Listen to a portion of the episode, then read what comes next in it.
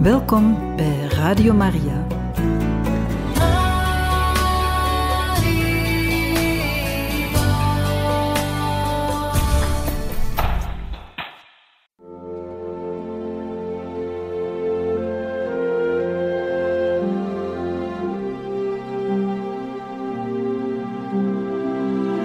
Beste luisteraars van Radio Maria, welkom bij het programma Catechismus. Een overweging bij de geloofschat van de kerk.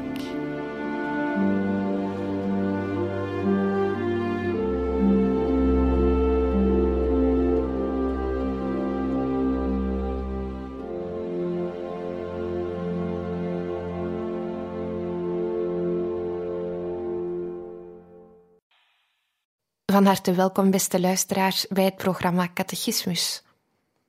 Vandaag luisteren we verder naar priester Daniel de Witte in een catechese-reeks over de twaalf artikelen van ons geloof.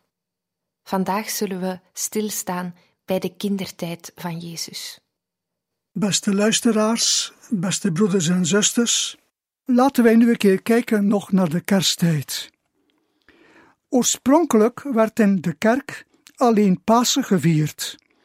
Het feest namelijk van Jezus verrijzenis.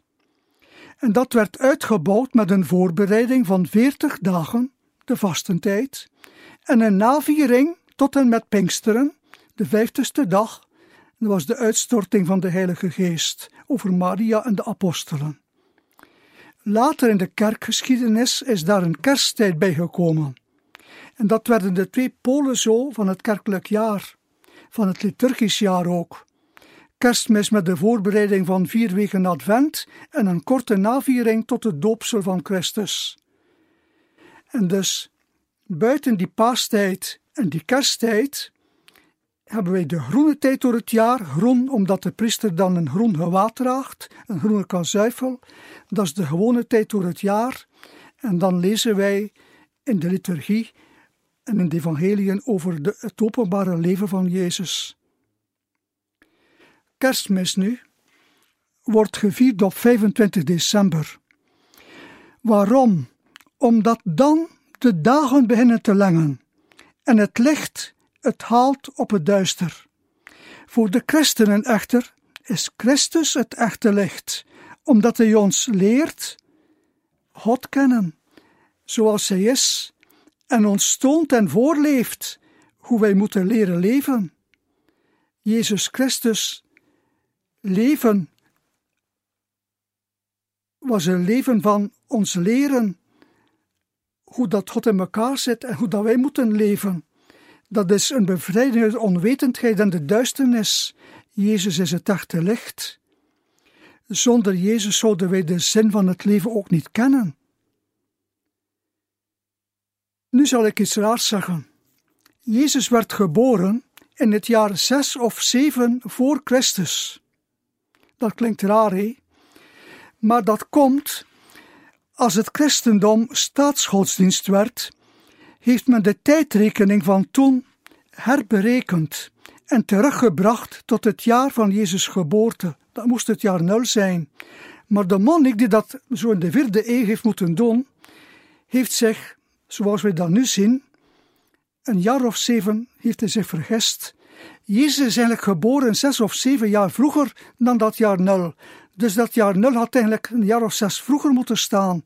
Dus dat betekent dat wij nu eigenlijk al in 19 of in, beter in 2027 zouden moeten zijn of zoiets. Na Christus. Maar dat is ook van weinig belang. We moeten dat nu niet veranderen. Dat is nu zo. En laten we dat maar voortdoen. Maar het is goed van dat te weten. Jezus werd geboren in Bethlehem dat is ook iets wat sommigen zeggen, dat is een tegelohumenon. Dat is om te zeggen, ja, Jezus is de vervulling van de belofte, dat Jezus uit het geslacht van David zou zijn, dat de Messias uit het geslacht van David zou zijn, en daarom werd hij geboren in Bethlehem. Dus weer al een verhaaltje om dat maar maar te maken. Ja, maar dat is allemaal vlug gezegd, want zoals we zullen zien, Jezus is geboren tijdens een volkstelling onder keizer Augustus. En het niet-Bijbelse bronnen weten we heel goed dat er heel veel volks, van die volkstellingen waren. En ook onder andere rond die tijd van keizer Augustus. Die keizers wilden weten hoeveel mensen in hun rijk woonden en hoeveel belasting zij konden heffen en waarop ze konden rekenen om hun rijk te besturen en, en financieel te, te, vol te houden. Dus er was een volkstelling en Jezus werd geboren terwijl Maria en Jozef naar die volkstelling onderweg waren. Maar er was geen plaats in de herberg, het was zo druk. En die arme mensen werden niet toegelaten. Een herberg, dat was zo'n soort hotel. Dat was een omheinde ja, plaats waar je kon overnachten en waar dat je rijdier, waarschijnlijk had Jozef wel een ezeltje mee, om dat rijdier daar ook veilig te laten overnachten, veilig tegen wolven en zo en, en roofdieren en ook tegen dieven en zo. Maar er was dus geen plaats in de herberg. En dan is Maria en Jozef, ze zijn maar op zoek gegaan naar, naar een plaats, want het werd dringend. Maria's uur was gekomen om een kind ter wereld te brengen. En dan, daar in Bethlehem, onder keizer Augustus, is Maria geboren en is Jezus geboren uit Maria in een stal. Jezus werd dus daar geboren in die stal. Jozef zal vlug wat alles klaargemaakt hebben, dat we ze proper gemaakt hebben. En Jezus werd neergelegd in een voederbak, in een kribbe. Dat is heel curieus hoe God alles voorziet. De Messias zou, zoals ik al gezegd heb, volgens Gods beloften in het Oude Testament in Bethlehem geboren worden, het dorp van de grote koning David. David leefde duizend voor Christus. En het kind in de voederbak, dat zou ooit eens ons goddelijk voedsel worden in de Eucharistie, dat Jezus in de voederbak ligt, wel ik kan zeggen, hij is, hij is onze spijs, van hem moet je leven, van zijn woord moet je leven, maar ook van hemzelf, van zijn lichaam en zijn bloed dat hij zal geven in de Eucharistie, dat hij zal prijsgeven op het kruis en telkens opnieuw geeft aan ons in de Eucharistie. Alleen daarmee wordt duidelijk, God vervult zijn beloften. En dat is dikwijls zo, ook in het Oude Testament al. God vervult zijn beloften, ook aan Abraham en zo, tot in de puntjes, zoals het voorspeld is. Hier dus ook in Bethlehem geboren. Maar de mensen wisten dat niet toen. De mensen in Nazareth waar Jezus opgroeide. Zoals de mensen van mij. Ik ben nu al 37 jaar hier in Kortemark. De mensen die mij een beetje kennen hier in Kortemark die zeggen, ja, beste Daniel, die, die is van Gestel. Maar eigenlijk, beste mensen, ben ik geboren in Zerkenhem. Ik heb daar tien jaar gewoond, maar niemand hier weet dat. Dat staat alleen maar op mijn identiteitskaart, maar de mensen weten dat niet. De mensen zeggen, hij is van Gestel. Zoals ook de mensen van Jezus gaan zeggen, hij is van Nazareth. Maar eigenlijk, dat toont niets af dat zijn geboorte plaats kan hebben gehad en ook plaats heeft gehad in Bethlehem. De eerste bezoekers in die stal, of naar die stal, dat waren herders. Ook niet onbelangrijk. Herders, dat zijn pastores. Dat zijn de toekomstige herders van de kerk in feite, als je wil. Herders moesten herders zijn die bij hun schaapjes de, ja, de, de wacht hielden. Die werden door een hemelslicht omstraald door engelen.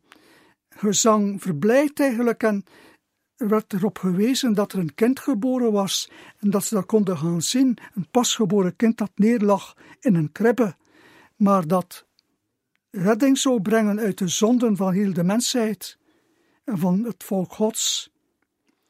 En wat later zijn dan wijzen gekomen uit het oosten. Magoi staat er in het Grieks, magiërs, mensen of heidense priesters die zich bezig hielden met het bekijken van de stand der sterren. En ze zagen in de sterren, daar in Irak, van waar ze vandaan waren, van die streken, Irak, Iran, herhende, die streken ergens. Ze zagen dat er een koning zou geboren worden in het land van de Joden. Ze zagen dat in de stand van de sterren. En wat zagen ze dan? Want ook hier wordt gezegd, dikwijls gemakkelijk, dat is maar een verhaaltje van Matthäus. Ja, nog niet zo zeker, want een jaar of zeven voor Christus stonden de planeten Jupiter en Saturnus in een heel bijzondere verhouding tot elkaar. Dus vanaf de aarde gezien was dat eigenlijk een beetje een soort staartster. Jupiter en Saturnus gingen aan elkaar van hieruit gezien. Nu houdt Saturnus voor die Magoi, voor die Magiërs, die, die Persische of ja, die, die wijzen uit het oosten, die houdt Saturnus gold als de ster van de Joden en Jupiter, dat was de ster van de wereldheerser.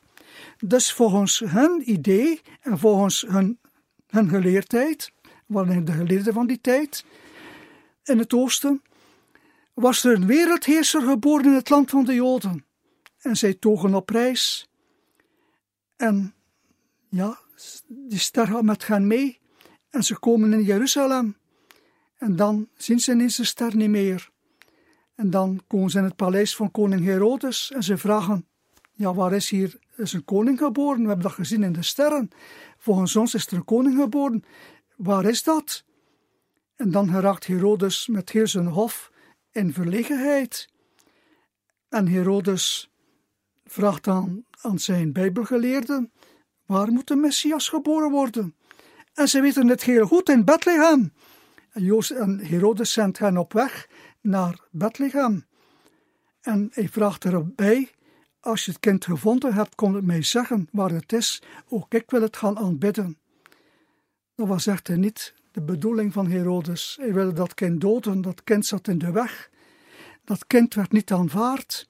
En vandaar dan ook, als de, herde, als de, de wijzen beter niet terugkwamen, dan heeft Herodes ertoe besloten om zijn mannen uit te zenden en de kindjes van twee jaar en jonger rond Bethlehem te vermoorden, om ook van die nieuwe Messias af te zijn. Dat daar niets van vermeld wordt in buitenbijbelse bronnen betekent eigenlijk niets. Maar wat we wel weten uit buitenbijbelse bronnen is dat Herodes een zeer vredaardige man was, heeft zelfs hij was jaloers van zijn troon. Hij was 70 jaar op dat moment dat de wijzen daar kwamen dat Jezus geboren was. 70 jaar. En toch wilde hij koning blijven. En heeft zelfs drie van zijn eigen kinderen, van zijn eigen zonen laten vermoorden. Dat weten wij buiten Bijbelse bronnen. Omdat hij jaloers was en bang was dat zij hem van zijn troon zouden stoten. Sint Jan zal schrijven in zijn proloog in het vers 11 van hoofdstuk 1 van zijn evangelie Jezus kwam in het zijne, maar de zijne aanvaarden hem niet. En daar wil ik nu nog even iets over zeggen, over dat zinnetje uit het Johannesevangelie. Hij kwam in het zijne, maar de zijnen aanvaarden hem niet. En dan vervolgt Johannes, aan alle echten die hem wel aanvaarden, gaf hij het vermogen kind van God te worden. En ze zijn niet uit bloed, nog uit de begeerte van het vlees of uit de wil van een man, maar uit God geboren. Johannes 1, 12 en 13. Dit laatste vers 13 staat in het meervoud. Het gaat over de mensen die in Jezus geloven. Ze zijn uit God geboren, niet uit bloed, niet uit de begeerte van een man of uit de wil van een man of uit de begeerte van het vlees. Dat staat daar in het meervoud. De mensen die, in Jezus, die Jezus aanvaarden, zijn uit God geboren, niet uit bloed, niet uit, uit een man of zo. Maar er zijn teksten van voor de vierde eeuw, van voor 400, teksten van kerkvaders, die dat vers citeren, en dat staat daar dikwijls in het enkelvoud. Dan heeft het betrekking op Jezus. Hij is niet uit bloed geboren, of uit de wil van een man, of uit de beheerte van het, van het vlees. Hij is uit God geboren. En als dat zo zou zijn, zoals die, die citaten dat in het enkelvoud zeggen, dan heeft, dan heeft ook Johannes eigenlijk weet van die maagdelijke geboorte. Meer nog, eigenlijk staat daar, hij is niet uit het bloed, maar staat er uit de bloeden. Dat woord bloed staat in het meervoud. En men heeft dat lang tijd niet begrepen. Maar nog niet zodanig lang geleden, alleen bedoel een jaar of dertig geleden, heeft een Oostenrijkse geleerde dat ontdekt dat dat komt uit Leviticus, een oud-testamentisch boek, hoofdstuk 12, vers 4 tot 7. En de bloeden in het meervoud betekent daar dat een kind geweven wordt in de moederschoot uit gestold bloed van de moeder. En Leviticus zegt dan dat een vrouw onrein is na de geboorte, omdat er bij de geboorte bloed heeft gevloeid. Dat kind is ja, gevormd uit bloed en, en vloeit ook bloed bij de geboorte. Als je dat vers 13 nu in het tankenvoud leest, heeft, dus, heeft het betrekking op Jezus die maagdelijk geboren is. Ook Sint-Jan kent dan de maagdelijke geboorte van Jezus. En bovendien wil Sint-Jan zeggen niet uit de bloeden, dat wil zeggen, er heeft zelfs geen bloed gevloeid bij de geboorte van Jezus. Maria is dus met andere woorden ook ritueel niet onrein. En dat is dan een bewijs uit de schrift voor het latere kerkelijke geloof dat Maria maagd was, zowel voor de geboorte als tijdens de geboorte, er is geen bloed gevloeid, en ook na de geboorte altijd maagd dus.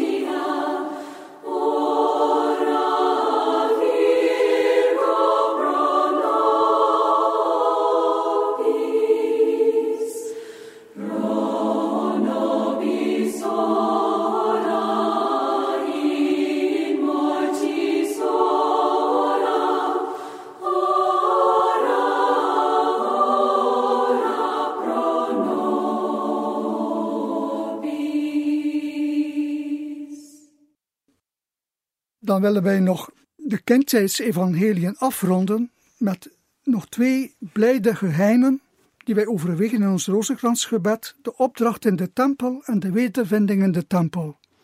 Dat zijn eigenlijk, beste mensen, icoontjes. Dat zijn dia's, dat zijn schilderijtjes, dat zijn, ja, icoontjes eigenlijk waarin iets wordt weergegeven, fragmenten uit Jezus leven. De kindscheidsverhalen, je mag dat niet lezen als een doorlopend verhaal. Dat zijn icoontjes, dat zijn dia's. Dat is geen film. Jezus openbaar leven, die ze daarover vertellen, dat is meer een doorlopend verhaal. Hier zijn dat icoontjes, gewel zelfs in het openbaar leven van Jezus zijn dat pericopen. Pericoop, dat doet bij mij iets op, zo vanuit het Grieks van ogenblikjes, zo oogopslagjes. We kijken eventjes naar Jezus een bepaald moment, op een bepaald fragment van zijn leven, wat hij daar doet en wat dat betekent voor ons. Dat is de betekenis van een pericoop. Hier in de Kindseis-evangelie is dat nog meer het geval. Dat zijn icoontjes. Dat zijn, ja, schilderijtjes eigenlijk waar de evangelist iets weer wel, duidelijk mag aan ons. Jezus werd opgedragen in de tempel toen hij veertig dagen oud was. Dat was dat voorschrift uit Leviticus, dat de moeder gereinigd moest worden en dat elke eerstgeborene zoon aan God op moest worden gedragen. En daarbij moest een offer worden gebracht, een lam en een jonge duif. Dat wel Leviticus, een lam en een jonge duif, maar staat erbij, als de mensen te arm waren, volstond het offer van twee tortels of twee jonge duiven. Maar nu in het verhaal van de opdracht in de tempel van Jezus, we lezen dat bij Lucas, zien we dat Maria en Jozef blijkbaar het volle offer niet konden brengen. Ze brachten dan het offer van de armen, namelijk een koppel tortels of twee jonge duiven, en niet dat lam, zat dat niet. Jezus was dus werkelijk arm. Er was geen plaats in de herberg bij zijn geboorte, geen plaats bij de gewone rijke mensen, om het zo te zeggen, of de gewone mensen. In een stal moest hij geboren worden.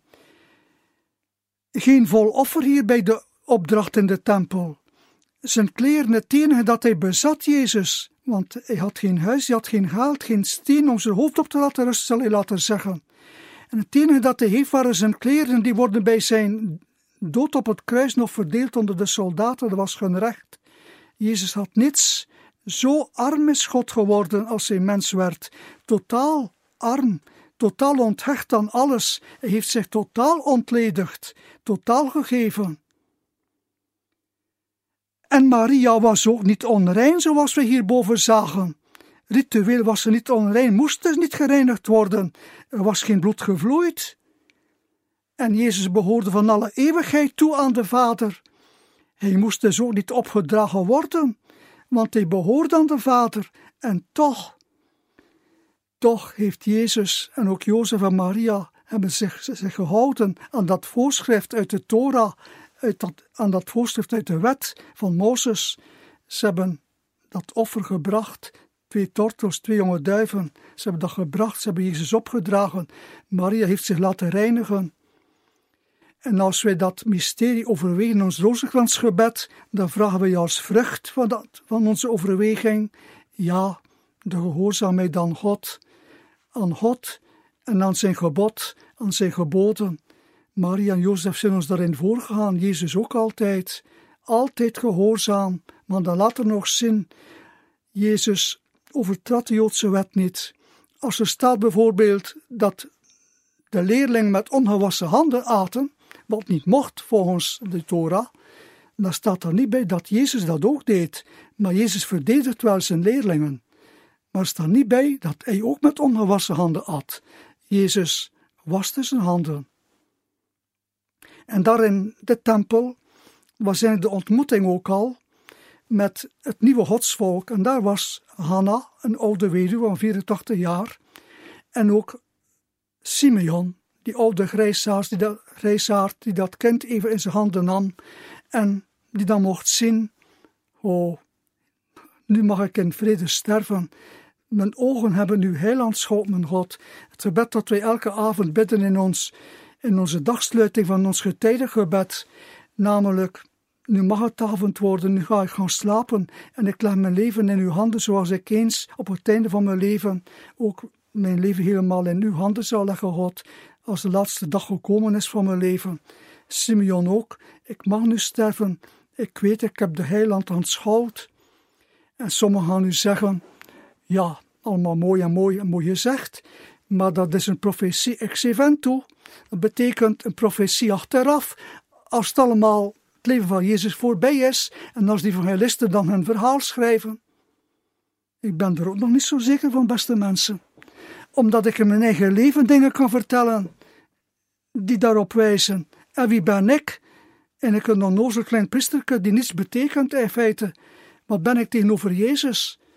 Maar mijn vader heeft mij verteld, naar het einde toe van zijn leven, dat hij eigenlijk wist, en ik al van het begin af aan dat ik priester zou worden.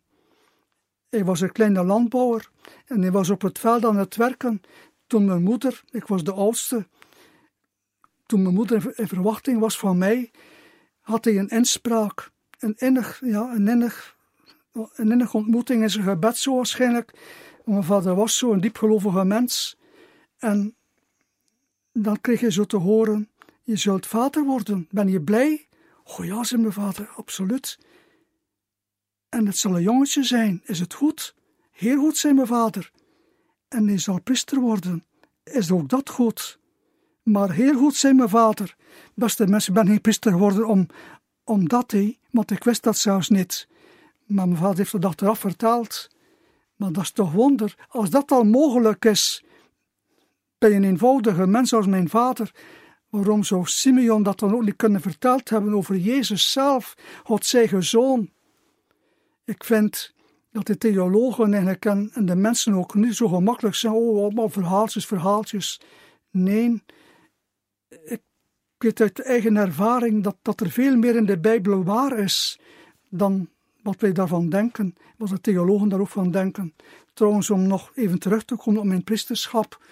Toen ik vijf jaar oud was, we kwamen dan, ik weet dat niet meer, ik weet dat ook van later, maar mijn ouders kwamen regelmatig bij een, zekere meneer Mil.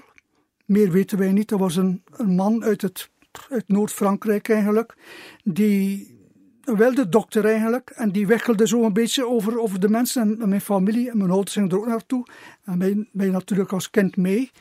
En dan gaf die man kruiden aan ons. Aan ons, aan mij niet. Als kind had ik dat nog niet nodig. Maar aan mijn ouders. En dat hielp allemaal wel. Maar toen ik een jaar of vijf was, toen ik een keer mee was, maar ik weet dat niet meer. Mijn vader heeft dat ook verteld. Dan legde die man zijn hand op mijn hoofd en hij zei: Dat wordt een priester. Zou Simeon dat dus ook niet kunnen verteld hebben over Jezus? Het heil heb ik nu gezien, dat is Maria, uw hart zal doorboord worden. Dat kind is een teken van tegenspraak. Heeft het allemaal al voorzien, door Gods geest ingegeven. Haal de zintijd bestaat door. En Simeon, dat is nog meer dan haal de zintijd, dat was verlicht door de Heilige Geest. We gaan eventjes afronden nog met het volgende icoontje, de wedervinding in de tempel. Toen Jezus twaalf jaar was, trokken Maria en Jozef met hem nu mee naar de, naar de tempel in Jeruzalem op bedevaart. Weer al, zoals ik al verteld heb over het bezoek van Maria en haar nicht Elisabeth in een karavaan. En Jezus bleef achter. Jezus had, was toen twaalf jaar. Dat betekent, een kind beneden twaalf jaar was religieus onvolwassen bij de Joden. Dat telde niet mee. Als Jezus van de kinderen hield en als mensen kinderen bij Jezus brachten, dan snauwen de leerlingen die kinderen af. Die moeders moeten weg met die kinderen, weg, weg. Nee, zeg je dat die kinderen bij mij komen. Waarom moesten die kinderen weg? Omdat ze religieus onvolwassen waren. Ze konden de wet niet onderhouden. Ze, waren van geen taal. Jezus was nu twaalf jaar en had dus de religieuze volwassenheid bereikt. En hij bleef achter in de tempel. Ja. En Maria en Jozef terug met de karavaan mee, een dagreis ver. En ze vonden Jezus niet. En ze werden ongerust. En ze vonden hem niet. Drie dagen hebben ze moeten zoeken. Zoals later ook bij de verrijzenis van Jezus na ze sterven op, op Goede Vrijdag. Ook drie dagen was zij zoek in het graf, verborgen. Ook hier, ze moesten drie dagen zoeken. En dan vinden ze hem tussen de leraren waar hij vragen stelde en naar wie hij luisterde. En ze stonden verbaasd over Jezus' wijsheid. En Maria was een beetje kwaad en ontgoocheld. Kind, waarom heb je ons dat aangedaan? Dus blijkbaar, hoewel dat de engel gezegd dat hij Gods zoon zou zijn, zoon van het Allerhoogste en zo, dat als zijn koningschap nooit een einde zou komen, wist Maria toch nog niet goed, blijkbaar, wat dat allemaal was. Ook zij heeft moeten groeien in het geloof nog en in de kennis van haar zoon Jezus. Kind, waarom heb je ons dat aangedaan? En dan zegt Jezus de eerste woorden die van hem opgetekend staan in de schrift. Wist gij dan niet dat ik in het huis van mijn vader moest zijn? En ze begrepen het niet. Maar dat is zo belangrijk als we dat mysterie overwegen in ons rozenkransgebed, dan vragen we als vrucht van dat mysterie de zuiverheid in ons leven. De zuiverheid in al onze relaties ook, namelijk dat we nooit ongeoorloofde relaties aan zouden gaan. Dat is een prachtig gebed dat we vragen. Maar gaan afronden, ik wil één ding nog zeggen. Sommige mensen, misschien jullie ook, kunnen het moeilijk hebben met wat ik hier allemaal verteld heb. Met dat wondere gebeuren van Jezus' geboorte, die maagdelijke geboorte en zo, die maagdelijke ontvangenis en noem maar op. Ik heb al ervaren dat je, als je daar moeilijkheden mee hebt, dat dat een beetje los moet laten. Je moet daar dan niet te veel op blijven hameren of blijven bij stilstaan. Kniel zoals de herders en de wijzen neer bij de kribbe. Kniel neer voor Jezus en weet dat het belangrijkste is dat hij de Zoon van God is. Helemaal van God, helemaal nieuw. God en mens, zoals we nog ook gaan zien. Maar als dat moeilijk is, sta er niet te veel bij stil. Aanvaard dat. Weet dat dat een mysterie is en ontrafel dat mysterie niet. We moeten dat niet ontrafelen, want dan komen we er niet. Je moet dat niet uitleggen met wat dan ook. Of zeg het maar een verhaaltje. Dat is ons geloof, dat is het geloof van de kerk. En als paus Benedictus zijn trilogie schreef, zijn drie boeken over Jezus van Nazareth, dan heeft hij ook geschreven over de kindzijdsverhalen. En dan zegt hij op een bepaald moment, ja, is het niet verstandig eigenlijk van, van gewoon weer die verhalen te lezen zoals wij ze gelezen hebben als kind? Eenvoudig in een tweede naïviteit als het ware. Die kritieke de, de, kritische geest en de, kritiek van de wetenschap en van de bijbelse mag daar geweest zijn. Maar op een bepaald moment in je leven moet je terugkeren naar een soort tweede naïviteit. Weer die verhalen lezen zoals wij ze als kind lazen. En daar verwonderd over staan. Maar daar niet alleen dat in vraag stellen. Dat gewoon, gewoon daarbij knielen. Zoals, zoals wij verhalen ja, sprookjes van vroeger, toen men dat als kind vertelt, toen men ons dat als kind vertelde, toen we kind waren, dat we dat ook nu nog kunnen smaken. Ik herinner mij, een jaar of acht geleden, zond men opnieuw de reeks uit op de VRT van Johan en de Alverman. Ik had dat gezien als kind en ik, ik had dat altijd een prachtige, prachtige serie gevonden. Natuurlijk, Alvermannekes bestaan niet. Dat is een verhaal, maar er zit er zoveel diepte in, zoveel mooie dingen eigenlijk. Als je dat dan een jaar of acht geleden nog een keer opnieuw mocht zien, dan ontroerde mij dat opnieuw. Ik wil maar zeggen, ook die verhalen, ook als ze moeilijk zijn en tegen de borst stoten, en als we daar wetenschappelijk geen weg mee kunnen, en, ja, en, en dat willen overboord gooien, nee. Lees dat en aanvaard dat en aanbid God en dank Hem.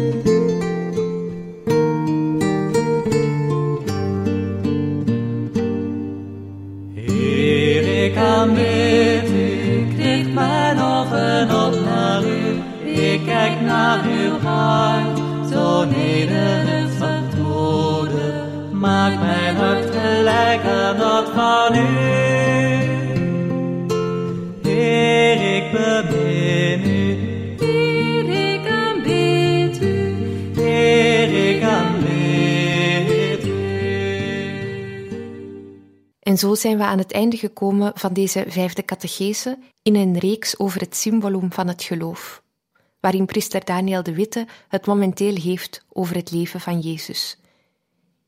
In volgende catechese zal hij dieper ingaan op Jezus openbaar leven. Radio Maria wenst u nog een zeer mooie dag toe.